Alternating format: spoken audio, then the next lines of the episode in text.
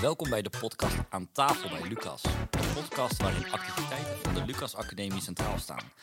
Iedere maand bespreken we aan deze tafel een activiteit en dan doen we met experts en collega's uit onze scholen.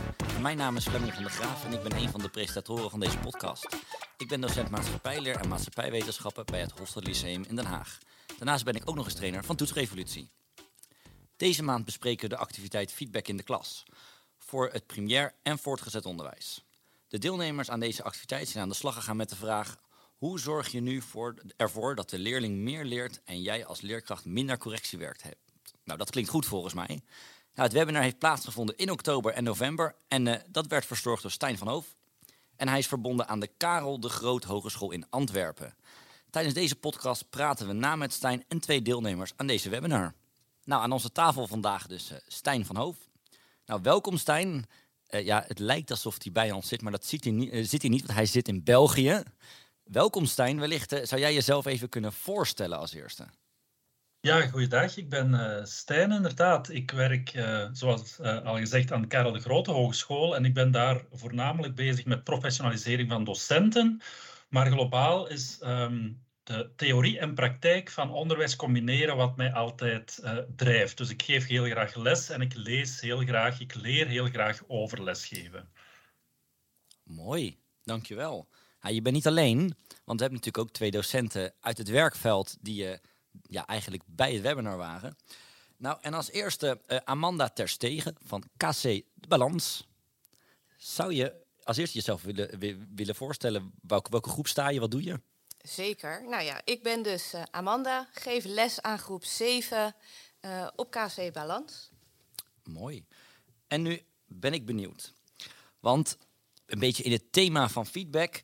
Um, welke feedback heb jij nou ooit gekregen waarvan je dacht, nou daar heb ik echt veel aan gehad? Of waarvan je dacht, ah jammer, daar heb ik eigenlijk niet zoveel aan gehad? Ja, ik heb daar inderdaad lang over nagedacht. En op het moment dat je ergens heel lang over na moet denken, dan kan je eigenlijk al concluderen dat die feedback dus niet is blijven hangen. Maar wat mij wel heel erg is bijgebleven, um, is dat ik wel eens. Nou, het me er wat gemakkelijker van afmaakte. Uh, en achteraf vaak dacht van, hmm, hier had ik best iets meer aan kunnen doen. En dan als feedback kreeg, zo, dat heb je echt fantastisch gedaan. Waardoor ik dus eigenlijk zelf altijd het gevoel had: oké, okay, dus hier ben je al tevreden mee. En dat zijn dan wel dingen wat mij is bijgebleven. En um, nou, ook wel een soort van eye-opener om over na te denken, vond ik. Mooi. Nou, dan gaan we naar de, de overkant. Ook al kan je dat niet zien, maar aan de overkant. Um, want ook van de Lucas Academie, Lianne Kussen. Ja, nou, fijn dat ik hier mocht zijn. Ik uh, ben Lianne Kussen. Um, ik ben uh, twee dagen in de week werkzaam voor de Lucas Academie. En daarnaast sta ik nog twee dagen voor de groep, in groep 8. Uh, ook op KC Balans, dus ik ben collega van Amanda. Um, en fijn om hier te zijn. Mooi. Nou, voor jou dezelfde vraag. ja, ik dacht het al. Um, ja, feedback die is blijven hangen. Ik heb daar ook best wel even over na moeten denken. En um, bij mij is het vooral niet zozeer direct feedback op mij. Nou ja, indirect eigenlijk wel weer. Want wij hadden bijvoorbeeld docenten op het VO. Um, die dan uh, bijvoorbeeld de Duitse toets teruggaven en dan de cijfers klassikaal voorlazen. Uh, en dan altijd begonnen of bij het hoogste of bij het laagste cijfer. En ik was vrij slecht in Duits, dus ik was altijd of de laatste of de eerste. Uh, en dat is wel, ja, nou ja, niet zozeer echt feedback in het gesproken woord, maar toch wel ja, feedback die bij mij is blijven hangen. Dit is echt heel herkenbaar. Ik, ik herken, mijn eigen trauma komt nu weer naar boven. Dit is oh, heel grappig. Oh, dat, ja, oh, dat is wel, ja. Toevallig dat dat, ja. dat, dat dan hetzelfde is. Ja. Um, nou is feedback natuurlijk best wel een hot item. Want ik weet, nou, op mijn opleiding, uh, feedback was het ding onder Hetty en Timperley. Um, ik ben eigenlijk benieuwd uh, als eerste van, van de dames. Waarom, uh, ja, wat hebben jullie eigenlijk geleerd over feedback? Waarom dat zo belangrijk is? Ja, feedback is enorm belangrijk omdat je op die manier iemand en vanuit hè, mijn oogpunt de kinderen zelf aan het denken zet en um, laat reflecteren op hun eigen werk en hen op die manier wil laten leren. Stijn, hoe kijk jij je tegenaan? Ja, ik denk dat dat, dat, dat helemaal klopt. Hè? Dat dat het doel is van feedback uh, leerlingen aan het denken zetten. Als we aan Hetty en Timperley of, of ander effectiviteitsonderzoek kijken, als we daar naar kijken, dan zien we feedback komt altijd bovenaan de lijstjes van hetgeen uh, wat heel effectief is. Hè, dat wordt dan vaak zo benoemd. Wat alleen uh, het moeilijk maakt, is dat we als leraar dan vaak denken, dus ik moet meer feedback geven. Maar um, ik denk dat dit belangrijk is om ook te kijken naar het feit dat ja, feedback kan ook net niet effectief zijn. Zoals Amanda in haar voorbeeld en eigenlijk ook Liane daarnet uh, heel mooi aangegeven hebben. Um, voilà, dus kinderen aan het denken zetten. Maar het is niet hoe meer feedback dat je geeft, hoe meer dat ze aan het denken gaan. Interessant. Ja. Hoe zit dat dan, Stijn?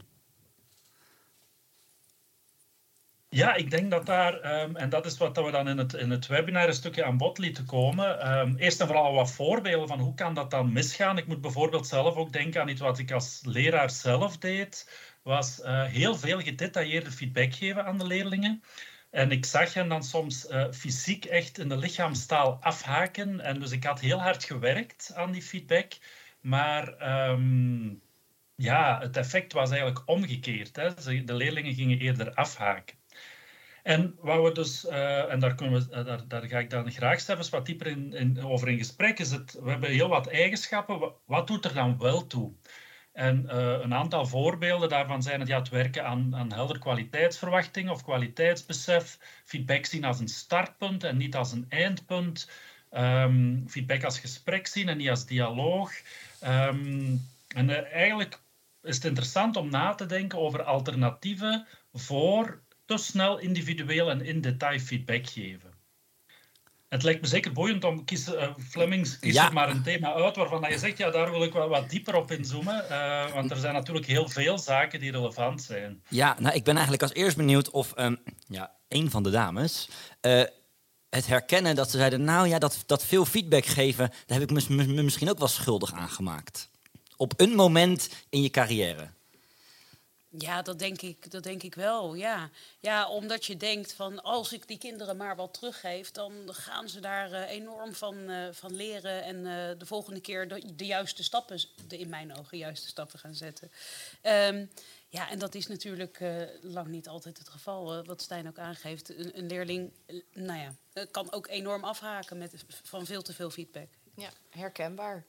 Of een hele klas dezelfde feedback geven op een presentatie die gegeven is. Jongens, let heel erg goed op, want nu ga ik iets heel belangrijks vertellen. Want dat ging er al heel goed, dat ging er heel goed. Wat kan er nog verbeterd worden? Neem dat mee voor de volgende keer. En dan kwam de volgende presentatie. En er was eigenlijk vrij weinig met die klassikale feedback gedaan. Dat je denkt, dat heb ik misschien toch niet helemaal op de juiste manier gebracht. Oh, en ik ben heel benieuwd. Je zegt niet helemaal, niet helemaal op de juiste manier gebracht. Hoe zou je het dan aanpakken? Of, of, of heb, heeft misschien daar wel het webinar uh, je handvatten in gegeven? Ja, vooral het stuk laat het meer vanuit de kinderen komen. Dus uh, van tevoren uh, een x aantal kinderen aanwijzen die uh, heel kritisch moeten kijken en ehm, feedback moeten geven. Of um, twee voorbeelden laten zien waarbij kinderen zelf uh, moeten aangeven waarom het een beter was dan het ander. Of het ander uh, meer verbeterpuntjes had dan de andere. Uh, waardoor ze wat meer vergelijkingsmateriaal hebben en daar ook zelf ehm, meer over moeten nadenken. En daardoor dus eigenlijk komen met hun eigen feedback. In plaats van dat jij ze eigenlijk alles maar aanreikt. Ja, dus dat jij eigenlijk heel hard aan het werk zijn, die leerlingen eigenlijk veel minder hard aan het werk zijn. Ja, en jij hebt dan het gevoel dat ze heel hard luisteren naar je, maar eigenlijk gaat het het ene oor in en het andere oor weer uit. En er zijn dan maar een handjevol kinderen die daar iets van meepakken. Um, maar vaak juist de kinderen die je daarmee um, nou ja, extra wil um, meenemen in het verhaal, dat zijn dan juist de kinderen die dat dan ook net even niet meekrijgen. Ja. Ja, en het voorbeeld van klassikale feedback doet me nog aan twee zaken denken. Het is een mooi voorbeeld. Hè, waar je zegt van ja, het blijkt nadien, het is niet blijven hangen.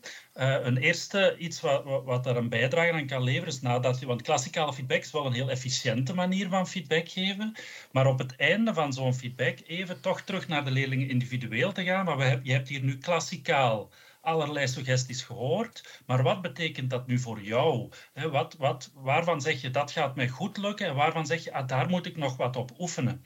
En dan kan je kijken, eventueel doen ze een snelle ronde, iedereen geeft een voorbeeld en kan je zien bij wie lukt dat niet en daar kan je dan even ondersteunen.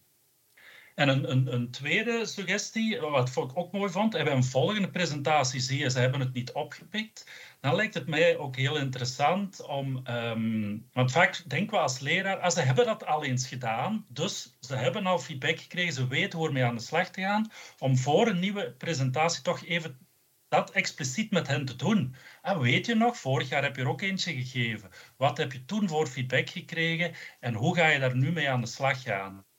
Um, op die manier zijn kleine dingen die je kan doen om, om zo werkvormen als klassikale feedback net iets meer te doen opleveren. Mooi. Ik zou eigenlijk nog één stapje terug willen. Want namelijk vaak voordat je uh, feedback aan het geven bent, uh, jij zei het ook net. Uh, waarom vergeet ik altijd namen? Amanda. Sorry Amanda, ik ben echt zo slecht met namen. Is echt heel erg. En het staat voor, me, dus voor de luisteraar, het ligt voor me en ik zie het niet. Dus um, Amanda, um, je had het net over die, um, die voorbeelden ver, vergelijken. Kun je uitleggen wat daarbij jou, jou, jouw inzicht was? Hoe, hoe zou je dat nu een volgende keer aanpakken bij deze opdracht? Um, je vertelt kinderen um, hè, wat de bedoeling is. Vaak krijgen ze dan uh, een, een, blad uitgereikt waar die punten ook op staan. En op het moment dat je dat blad uitreikt, Um, en, en, misschien mag ik ook gelijk een voorbeeld aankaarten wat in het webinar naar voren kwam. Doen. Daarbij moesten kinderen een um, collage maken. En de opdracht was vrij helder. Het moest bestaan uit verschillende stukken papier. Er moest lijm gebruikt worden. De papieren moesten goed vastzitten. Het moest op een groot eh, blad geplakt worden. En um, ik, ik meen, de kleur moest uh, uh, ja. rood zijn. Ja, en het moest over vriendschap gaan. En het moest over vriendschap ja. gaan. Ja. Ja, en uh, toen werd er een voorbeeld laten zien. En ik, ik hoop dat ik het uh, een beetje beeldend kan schetsen. Maar het, het was een groot wit formulier, een rood, rood wit blad, of een groot wit blad. Um, waar vijf papieren, nou laten we zeggen in de vorm van een smiley, waren neergeplakt. Super vriendelijk smiley gezichtje.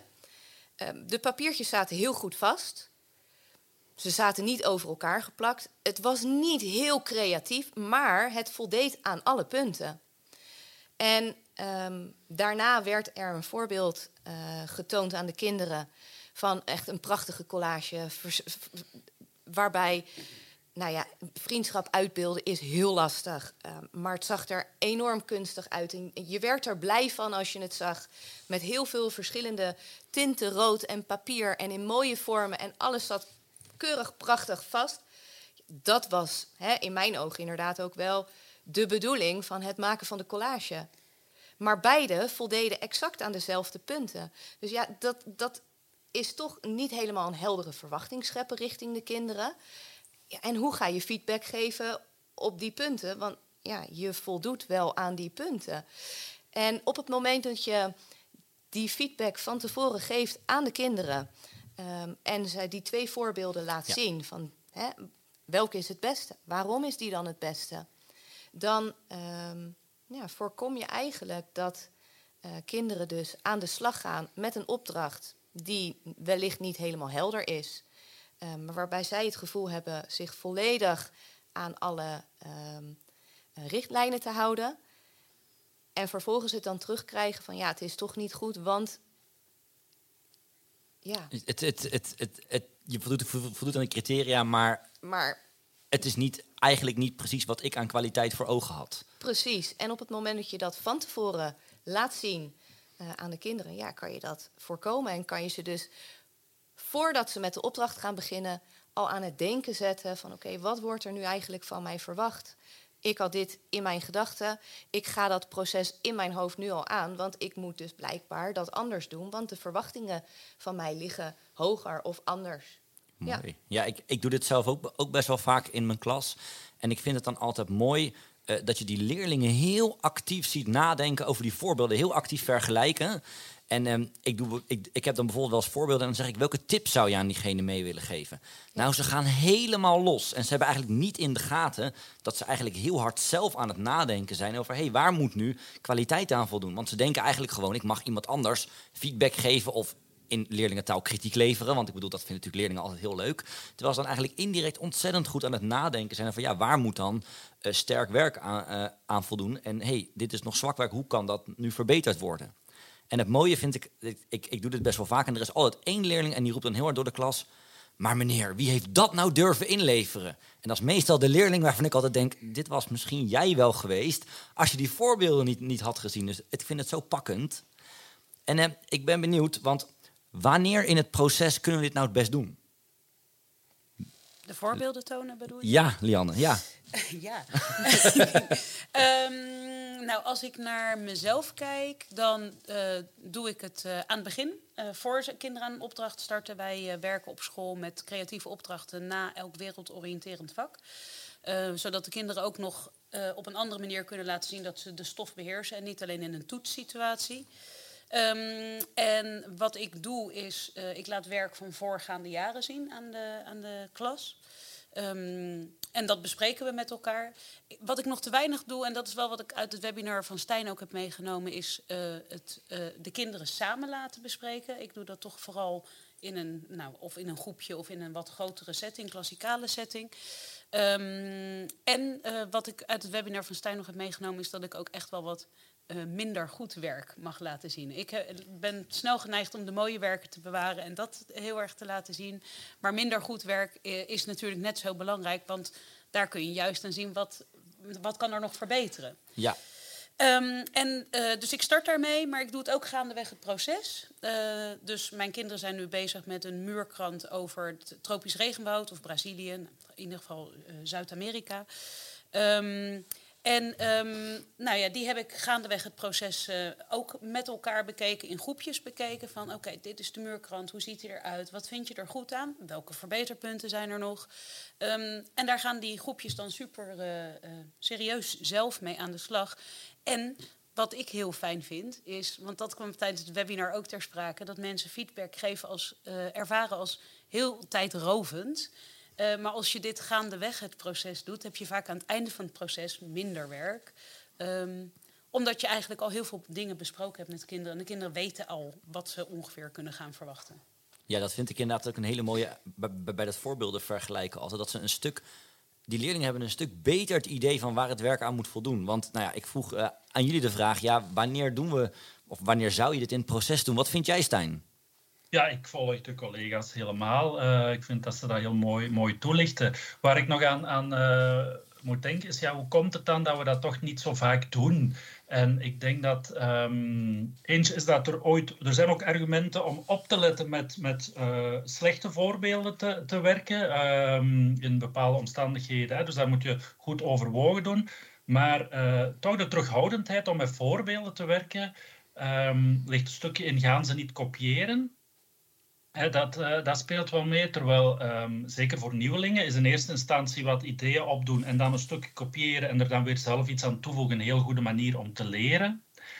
En wat volgens mij ook speelt, is dat um, als leraar hebben wij doorheen de jaren sowieso tientallen, honderden voorbeelden gezien ik weet zelf nog dat ik pas na vijf jaar goed door had uh, hoe dat ik de geïntegreerde proeven, heette dat bij ons, van onze leerlingen, moest inschatten. Wat is nu goed en wat is nu niet goed? Want ja, dat is toch heel moeilijk.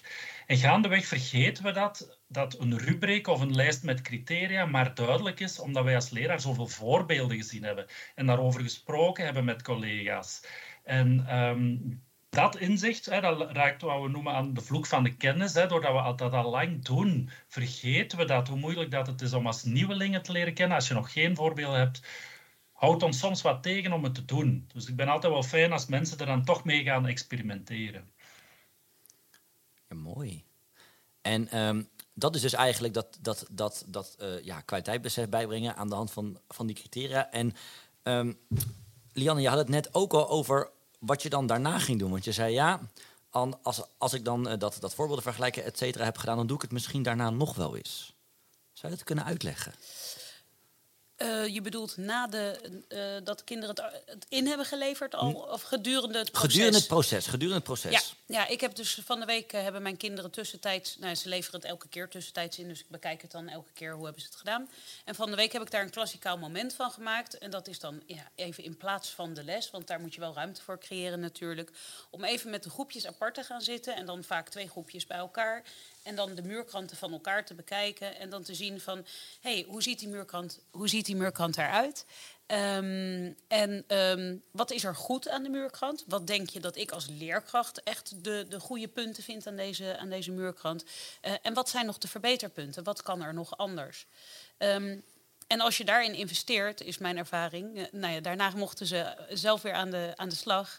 En uh, daarna uh, zijn ze super geïnspireerd en weten ze super goed van, nou, dit is de kant die we op willen gaan en we gaan nog wat dingen veranderen. En dat is natuurlijk het mooiste als ze daarna naar je toe komen en zeggen, juf, we zijn hier nog mee aan de slag gegaan, dit hebben we nog aangepast. Ja, dat is natuurlijk super mooi. Ja, dat, dat is wat je wil. Ja, het, ik herken hier bij mezelf dat ik inderdaad geneigd was om altijd heel veel schriftelijke feedback te geven. Terwijl eigenlijk wat jij doet feedback geven aan de hand van een ander voorbeeld en ze daarover laten nadenken. Ja, je, legt weer dat denkwerk zo mooi bij die leerlingen in jouw geval. Zij moeten echt ja, door middel van te vergelijken nadenken. hey, zelf nadenken. hey, wat kan nog beter? Want... Ja, en het, wat, voor mij doet het uh, denken aan feedback ook echt als een startpunt te zien. En uh, de schriftelijke feedback, uh, vaak komt die toch nog aan het einde van een proces. Met de hoop dat ze er nadien mee aan de slag gaan, maar dat gaat vaak niet automatisch. Dus ik vind die, die overweging als leraar maken, de feedback die ik geef, komt die eigenlijk op het einde van een proces of is die tussentijds? En bij grotere projecten doen we dat vaak tussentijds, want dat, uh, dan, dan is dat al wel een gewoonte. Maar ook bij kleinere uh, projecten of kleinere lessen kan je ook tussentijds heel veel doen. Um, daar raakt natuurlijk ook aan formatief handelen, natuurlijk controleren van begrippen, dat soort van zaken. Um, maar dat is zo mooi aan die tussentijdse feedback. Dan levert die echt op voor het leren van de, van de leerling. Ja, en waar moet dan goede feedback aan voldoen? Hebben we daar een soort van, van, van, van criteria voor, een soort van, van kenmerken? Ja, Amanda? ik, kijk, ik krijg nu allemaal vragende gezichten van, oh ja, oh ja, uh, even aan. Ik zou, als, er valt veel over te zeggen, maar ik, ik ben geneigd om toch eentje voorop te stellen. Dat is, tussentijdse feedback is niet, heb ik alles gezegd wat er gezegd moet worden als leraar, maar wel weet de leerling wat de eerstvolgende stap is. Dat vind ik daarin wel een belangrijke vraag al om te beantwoorden. Natuurlijk, collega's, vul mij gerust nog aan. Ja, ik denk dat we als leerkrachten, dat is het eerste wat in mij opkomt, dat we als leerkrachten snel geneigd zijn om altijd positief te zijn hè, in je feedback. Van jeetje, um, volgens mij was dat tijdens het webinar ook toch met een tekening van dat je altijd snel zegt: Jeetje, wat heb jij een mooie tekening gemaakt. Terwijl soms een tekening gewoon niet zo mooi is. um, dus um, ik, natuurlijk moet het opbouwend zijn en moet het, dat is wat in mij opkomt. maar ik denk wel dat je duidelijk mag zijn wat inderdaad, wat Stijn zegt, wat de verbeterpunten zijn, wat de volgende stap is. En dat we een beetje niet bang hoeven zijn om af en toe ook echt, echt kritisch te zijn. Ja, en ik denk dat het daarnaast ook wel belangrijk is dat je voor ogen moet houden: wat wil ik het kind leren? Wat wil ik het kind meegeven? En um, uh, dus... hè, op het moment dat, dat een kind een, een, toets doet of die maakt werk uit een werkboek, uh, dan is dat uh, belangrijk dat op het moment dat een kind uh, iets nog niet helemaal beheerst, dat hij daar feedback op krijgt. En inderdaad, feedback um, op het juiste niveau. Dus niet uh, vijf stappen te ver vooruit. Maar op het moment dat een kind um, zomaar iets laat zien of hij is vanuit een vrije opdracht ergens mee bezig, um, zit een kind er ook altijd wel op te wachten. En op het moment dat je het op onjuiste moment het feedback eh, de feedback geeft, denk ik dat dat juist ook averechts kan werken. Um, en dat probeer ik eigenlijk ook altijd wel voor ogen te houden. Ja. Op het moment dat een kind naar mij toe komt vanuit een vrije opdracht met zo'n tekening, om dat maar even als voorbeeld Precies. te nemen, um, en stralend zegt: Moet je eens kijken, mooi hè? Dan ga ik niet zeggen: Nou, misschien kan je nog maar op het moment dat het inderdaad vanuit een bepaalde tekenopdracht is, met daarin hele duidelijke richtlijnen. En um, uh, je ziet daarin nog verbeterpunten, want het doel is ook om een bepaalde techniek Precies. aan te leren. Tuurlijk, dan moet je niet maar altijd zeggen, prachtig gedaan. Terwijl de techniek nog niet helemaal beheerst wordt. En dat is juist wat je het kind wil aanleren. Maar ik neem aan, Lianne, dat jij dat ook op deze manier bedoelde, toch? Ja, Nee, en ja. het- het doet mij een beetje denken wat jij zegt aan dat je kinderen een vrije stelopdracht geeft en vervolgens alle spellingsfouten aangaat. Terwijl het gaat om het schrijven van een verhaal. Dat, dat, Juist. de- ja. Nou ja, dat kan natuurlijk eh, Ja, ook doe, doe is belangrijk, hoor ik, hoor, hoor ik eigenlijk. Als het gaat om, om feedback geven. Stijn eh, wil Ja. heel graag volgens mij iets toevoegen. Ja, ik was nog even over de tekening verder aan het nadenken. Want ja, het is een mooi voorbeeld. Maar ik denk zelfs wanneer het niet als een doel is. Dan, ehm, zijn we, ja, dan zijn we toch ook vaak geneigd om, om, om ja, met bewondering te reageren. Maar dan zien we uit onderzoek dat dat kinderen ook wat afhankelijk van feedback kan maken. En, van, en, en een noodzaak aan bevestiging. En dan kunnen ook andere reacties, door bijvoorbeeld te gaan focussen op eerst laat vragen, ah, beschrijf eens, vertel eens, wat heb je getekend? En op het plezier te focussen, vond je het leuk om het te tekenen? En dan zou je inderdaad, als afhankelijk van het feit is het echt een doel of niet, zou je kunnen vragen, stel dat je het opnieuw zou tekenen, zou je dan, eh, zou je dan iets wijzigen, iets aanpakken? Zullen we er eens, eh, dan kan, zou je kunnen zeggen, laten we er samen eens naar kijken. Dus je kan daar ehm, op verschillende manieren op reageren. Ja, en volgens mij is het dan belangrijk om, om, om keuze te maken in waarop je feedback geeft. Dus niet te denken, Ja. oké, ik zie hier 80 dingen en hier mijn feedback, wat ik in het begin echt wel heel, heel fout, fout deed. En dacht al die leerlingen, en verzuip. En wat, doen, wat, doet, wat doet een leerling dan? Laat maar. Weet je wat, als je zoveel te zeiken hebt, hoeft het niet meer. Terwijl dat is precies het doel wat je niet wil hebben van feedback. Want je wil ze juist een stapje verder helpen. En dat was ook iets wat ik in mijn hoofd eigenlijk moest, moest, moest ja, printen ongeveer. Het doel is niet een 10, maar het doel is een stapje verder. Dus dat kan zijn als ik denk, nou, het is eigenlijk net, net niet goed genoeg en een leerling gaat dan verbeteren en het wordt net goed genoeg, kan ik, ja, dat, daar ben ik eigenlijk veel, veel blijer mee, want dan heb ik daadwerkelijk die leerling een stapje verder eh, geholpen. En dan is het ook echt specifiek voor die leerling. Het is super adaptief. Ja, het is eh, eh, zeker adaptief. En daarbij is volgens mij nog één ding heel belangrijk. Want ik maakte wel eens de fout, dan gaf ik feedback en dan zei ik zo, succes. Nu, nu, nu heb ik je verteld hoe het moet. Nou, dan, nu, nu, nu weet je het, nu kun je het. Maar volgens mij zit de, de grote kracht van feedback is om er altijd voor te zorgen dat er een landingsplek voor feedback is. Dat ze altijd iets met feedback moeten doen. Want anders is het een beetje nutteloze informatie eigenlijk. Ja. Dat was bij het, de opening van het webinar van Stijn. Hè? Hoe zien leerlingen of kinderen feedback? Zien dat heel vaak als kritiek of commentaar. ja, En nou ja, dat sluit mooi aan bij wat je nu vertelt, inderdaad. Absoluut. En ik denk dat we ook niet moeten vergeten dat op het moment dat je iets opschrijft, dat dat al vaak heel anders overkomt dan wanneer je het zelf persoonlijk gaat vertellen. En, ehm, en een geschreven tekst kan heel anders geïnterpreteerd worden dan wat, daad- wat daadwerkelijk je bedoeling is geweest.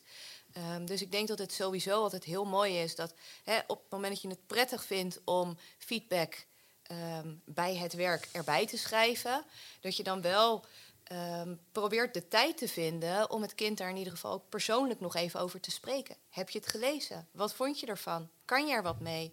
Kan ik je nog helpen? Waar sta je op dit moment? Ehm, welke stap gaan we als eerste pakken? Ik denk dat je dan ook al een, een mooi verbeterpuntje daarin ehm, kan aanbrengen.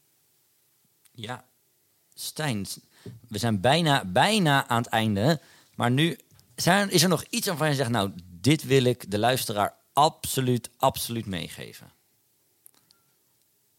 Ja, misschien overkoepelend. ehm, dus waar we mee begonnen zijn, een stukje die, die ehm, overweeg voordat je individueel in detail schriftelijk thuis feedback geeft. Ga op zoek naar wat zijn mogelijkheden om in de klas te doen, want daar zijn de momenten dat er het meeste geleerd wordt en dat je effectief met die feedback aan de slag gaat.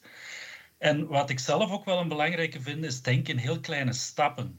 Want als we het hebben over bijvoorbeeld, ik laat mijn leerlingen elkaar feedback geven, dat kunnen nog tien verschillende dingen zijn. Dus ik vind het heel interessant zelf om, om, om te gaan kijken, zelfs wanneer je iets al heel goed doet, was dan een manier om die werkvorm nog één stapje te verbeteren. En dat eh, hoop ik, maar eh, dat we ja, met het webinar en met het materiaal dat er is, dat, we, dat, ik daartoe soms wat kan, kan, kan inspireren. Als dat lukt, dan ben ik altijd eh, heel blij. Ja, dank je. Ik ben benieuwd, Lianne, wat was jouw grootste het grootste wat je hebt meegenomen van het webinar? Waarvan je dacht, nou, dit, dit, dit, dit echt blijven plakken. Ja, dat ehm, heeft. Ja, nee. Dat, eh, sorry, ik moest heel even nadenken. Ehm, vooral gewoon dat als. Dan denk, je- denk je weer na over je onderwijs. En dan denk je weer, wat hebben we toch een supermooi vak. Dat je kinderen mag helpen een stapje te groeien. Het zij op cognitief gebied, op sociaal-emotioneel gebied. Want daar kan je natuurlijk ook. In dat stuk kun je ook feedback geven. Ehm, en daar word ik dan altijd weer zo enthousiast van.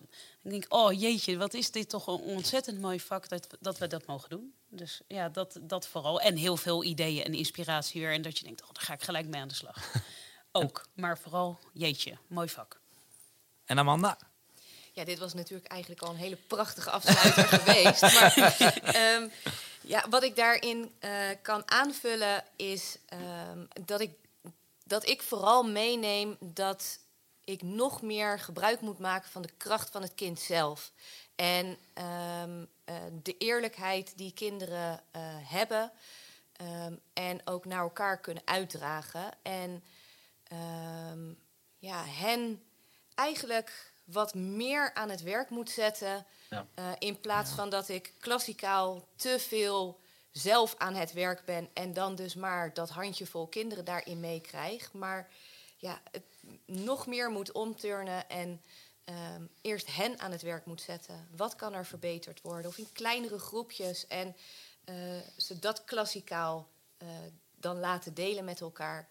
Ehm, en dan maar soms niet een les die je ingepland had. Die eventjes laten voor wat het is. Ehm, maar juist dat leermoment moet pakken. En dat nog meer moet waarderen als waardevolle tijd.